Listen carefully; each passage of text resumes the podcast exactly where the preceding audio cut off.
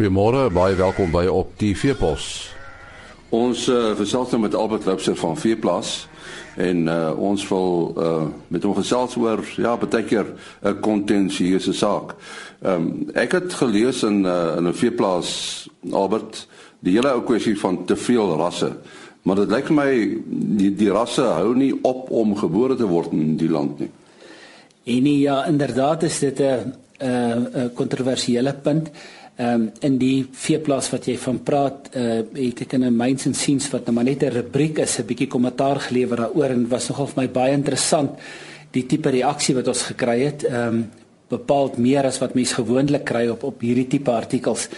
Maar wat veral vir my interessant was, is dat daar ehm um, 'n 'n groot balans was tussen ondersteuning en ouens wat nou nie noodwendig baie daarvan gehou het nie. Maar kom ons skep net so 'n klein bietjie agtergrond voor 'n mens nou oor die punt self praat. Die die bedoeling van die opmerking is suiwere waarneming van realiteite. Niks meer as dit nie. Ehm um, ons het min of meer 13 miljoen beeste. Dit op sigself is kontroversieel gepraat van van kontroversie.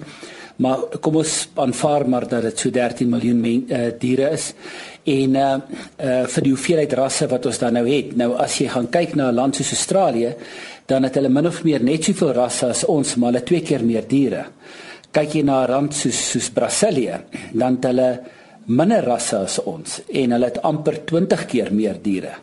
So bloot as jy na die syfers kyk, dan sal 'n mens eenvoudig jou kop in die, in die spreekwoordelike uh gat moet druk om nie raak te sien dat dit wat ons hier het en wat ons hier doen dalk nie standaard is in wêreldterme nie.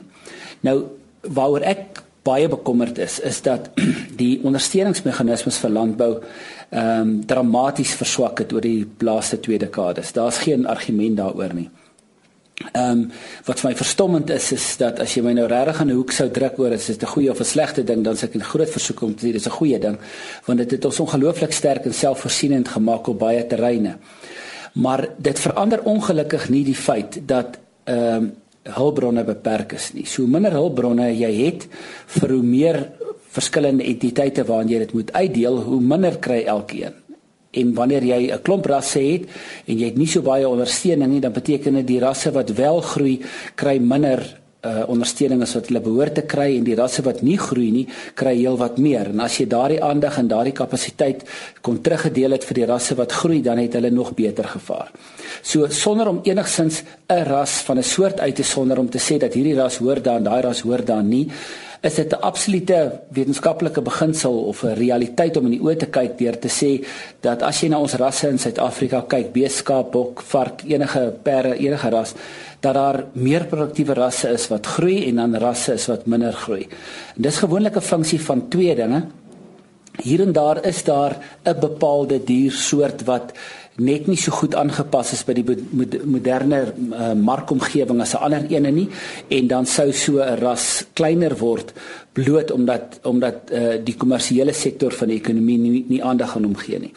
Maar aan die ander kant is daar en dit is in meer gevalle is dit die tweede geval is daar blote gebrek aan leierskap. Ehm um, daar's genootskappe wat 'n baie sterk president en raad het en daai rasse groei laat die stof staan. Ongeag of hulle 100% aanpas by die markomgewing of nie. So daar is definitief twee dele en en vir die doel van die gesprek ehm um, is albei relevant, maar die die een wat wat wat spreek na hoe kommersieel ingestel hulle teelers, hulle raad, hulle president, hulle rasdirekteur en so aan is, ehm um, het 'n groter effek op op op die getalle.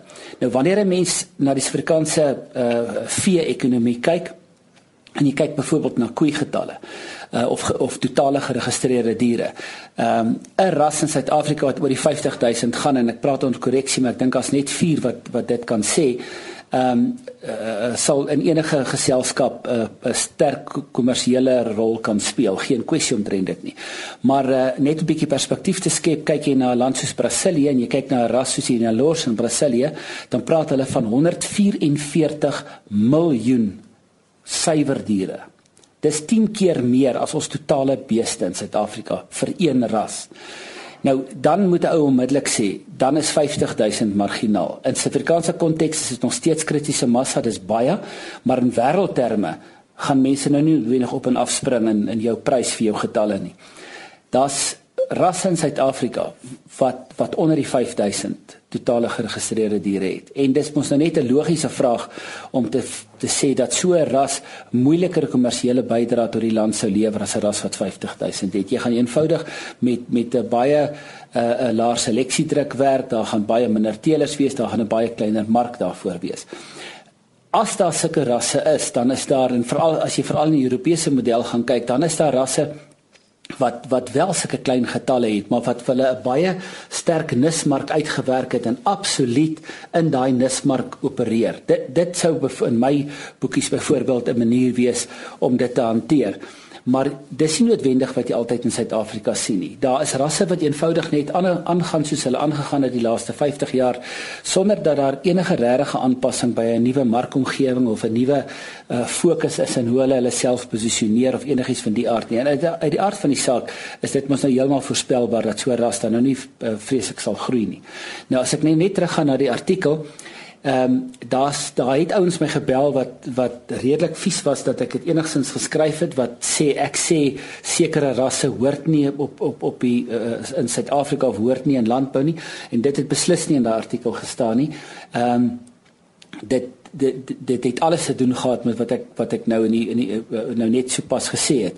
Ehm um, uh, uh, nie een van die van die kritiek wat ek gekry het het regtig gegaan oor oor oor oor die wetenskap nie en en as ons na die wetenskap gekyk het uh, uh, dan sou ek kritiek waardeer het van ouens wat sê in 'n wêreld van waar genetiese diversiteit waarskynlik ons grootste be, be, be, eh, beperkende faktor word, kan jy nie toelaat dat 'n ras toemaak nie. En ek stem 100% daarmee saam. Dit sou byvoorbeeld vir my 'n uh, baie sterk argument gewees het om om kleiner rasse te help en te ondersteun of om te sê dat so ras dalk gehelp moet word om om om om om sy nis te vind om presies uit te werk in die kommersiële omgewing in Suid-Afrika waar kan hy wees? As so ras byvoorbeeld 'n uh, terminale vaar ras sou wees dan sal dit nou uit die aard van die saak baie 'n uh, 'n uh, nis uh, aanwending kon wees en kan jy byvoorbeeld so 'n ras gebruik um, op op op een bil op op op op sê net maar 25 of 30 koeie uh, wat wat 'n lae gebruik uh, uh, uh, persentasie is en en beteken dat dat jy eintlik so ras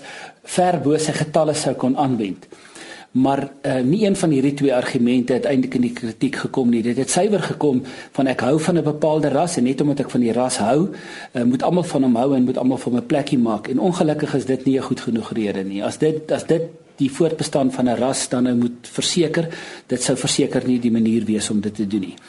Ehm um, kyk 'n mens na die ander kant na die kommersieel uh ehm um, uh, groeiende rasse, dan is Suid-Afrika in 'n ongelooflike goeie posisie wat dit betref. Daar's rasse wat baie stewig staan in wêreldterme baie stewig staan. As ek nou sommer net dink vinnig aan die dorpers, die boerbokke, die uh, ons Afrikaanse merino, die bonsmaras wat wat Suid-Afrikaanse rasse is, landrasse is wat in wêreldterme baie goed doen. Uh uh dan kyk 'n mens na na die internasionale rasse wat 'n Suid-Afrikaanse been het, rasse soos die Simmentallers byvoorbeeld. Uh ons het 2 jaar terug in in Brasilië by 'n skou het ons uh oom Abraham Kreer se genetika oral gesien in in in Brasilië. En en dit maak 'n ou nogal baie trots om dan te sê uh dit is 'n dit is 'n oorspronklik Europese ras, maar dit lyk of Suid-Afrika 'n uh, 'n uh, uh, baie sterk 'n uh, uh, voetspoor trap in in in in wêreldterme. So daar is definitief van ons kommersiële rasse wat wêreldwyd baie baie goed doen. Dis natuurlik verskriklik jammer met ons probleme met back and claw as ons uit Suid-Afrika genetika vrylik kon uitgevoer het sou ons 'n enorme faktor in wêreldterme gewees het. Terug net by die hele argument oor oor groter en kleiner rasse. Ehm um, daar's glad nie argument uit te maak om te sê net omdat 'n ras klein is, daarom moet hy spreekwoordelik dan toegemaak word. Dit word glad nie gesê nie wat wel gesê word is dat ehm um, uh, die, die hulpbronne wat na 'n ras toe gaan in verhouding moet wees tot sy kommersiële bydrae tot die tot die Suid-Afrikaanse veekudde. Ek dink dit is dit sou dis 'n baie belangrike maatstaf en as daai bydrae dan nou nie so is nie, dan sal dit mos nou glad nie in iemand se pad sal niemand mos in iemand se pad staan om privaat sy ras te bevorder nie. Uh, ek dink nie daar's daarmee enige fout nie. As mense in die Europese model kyk, dan word daar geweldig baie gedoen om rasse te verhoed om te om om om verlore te gaan. Ek het 'n syfer gesien wat sê dat daar tussen 2 en 3 rasse per jaar nou op hierdie stadium verlore gaan in Europa, maar dan moet ons onthou dat daar geweldig baie rasse is en diferensiasie tussen van daai rasse is baie baie min. So dis eintlik nie so moontlik vir 'n leek om om te onderskei tussen ras 1 en 2 nie. Uh daar is natuurlik nou rasse waar die kleurverskil byvoorbeeld baie groot is, maar dat hulle geneties nog steeds baie naby aan mekaar is. Ehm um, net terug by by by die Suid-Afrikaanse situasie. Ons moet altyd onthou dat ons 'n veeverbeteringswet in Suid-Afrika het en alle rasse onder daardie wet geregistreer moet wees. Ehm um, daar's nie baie lande wat wat hulle vee rasse op daardie manier administreer nie. Persoonlik dink ek dis 'n baie goeie ding uh met sy reg gebruik word. En ehm um, daar is nou 'n 'n uh, 'n uh, uh, voorstel tot verandering tot die wet wat ek dink dalk net uh, uh, tydig kan wees en dalk 'n goeie ding kan wees en miskien moet 'n mens dan daar daarin ook kyk om miskien 'n meer regverdige bydrae te maak of of ondersteuning te bied aan aan rasse. Maar uh, en nie miskien net 'n laaste punt en dit is vir my 'n verskriklik belangrike punt. Ons maak baie keer nie die regte onderskeid tussen wat ons verstaan onder suiwer ras en 'n en 'n suiwer diere, ekskuus, en geregistreerde diere dan nou binne 'n ras nie.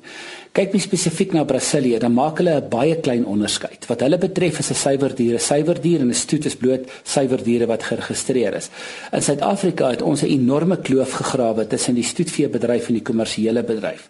Uh die stoetveebedryf was altyd so bietjie die blinker bedryf, die bietjie belangriker bedryf en almal wat in daai spel speel want hulle word dan ernstiger opgeneem. En en dis fundamenteel is dit, is dit baie verkeerd. Ehm um, uh, as as jy die regte model sou volg waar 'n stoetbulle byvoorbeeld in kommersiële kuddes gebruik word, dan beteken dit dat 'n stoetkudde en 'n kommersiële kudde binne 'n kwessie van 3-4 geslagte hier omtrent 90% verwantskap sou gehad het. Nou kyk jy na Brasilië en jy vra vir hulle hoeveel Nelors is daar, dan antwoord hulle jou hoeveel suiwer diere daar is. Hulle antwoord jou nie in terme van hoeveel geregistreerde diere daar is nie. As jy in Suid-Afrika vir enige van die genootskappe dit vra, is dit presies die antwoord wat jy gaan kry. Nou as ons kyk in die Suid-Afrikaanse model, dan staar er eintlik net een in in die beeste kant, net eintlik een ras wat ehm, 'n um, werklike groot kommersiële suiwer uh eh, kudde het en dit is die bonsmaras.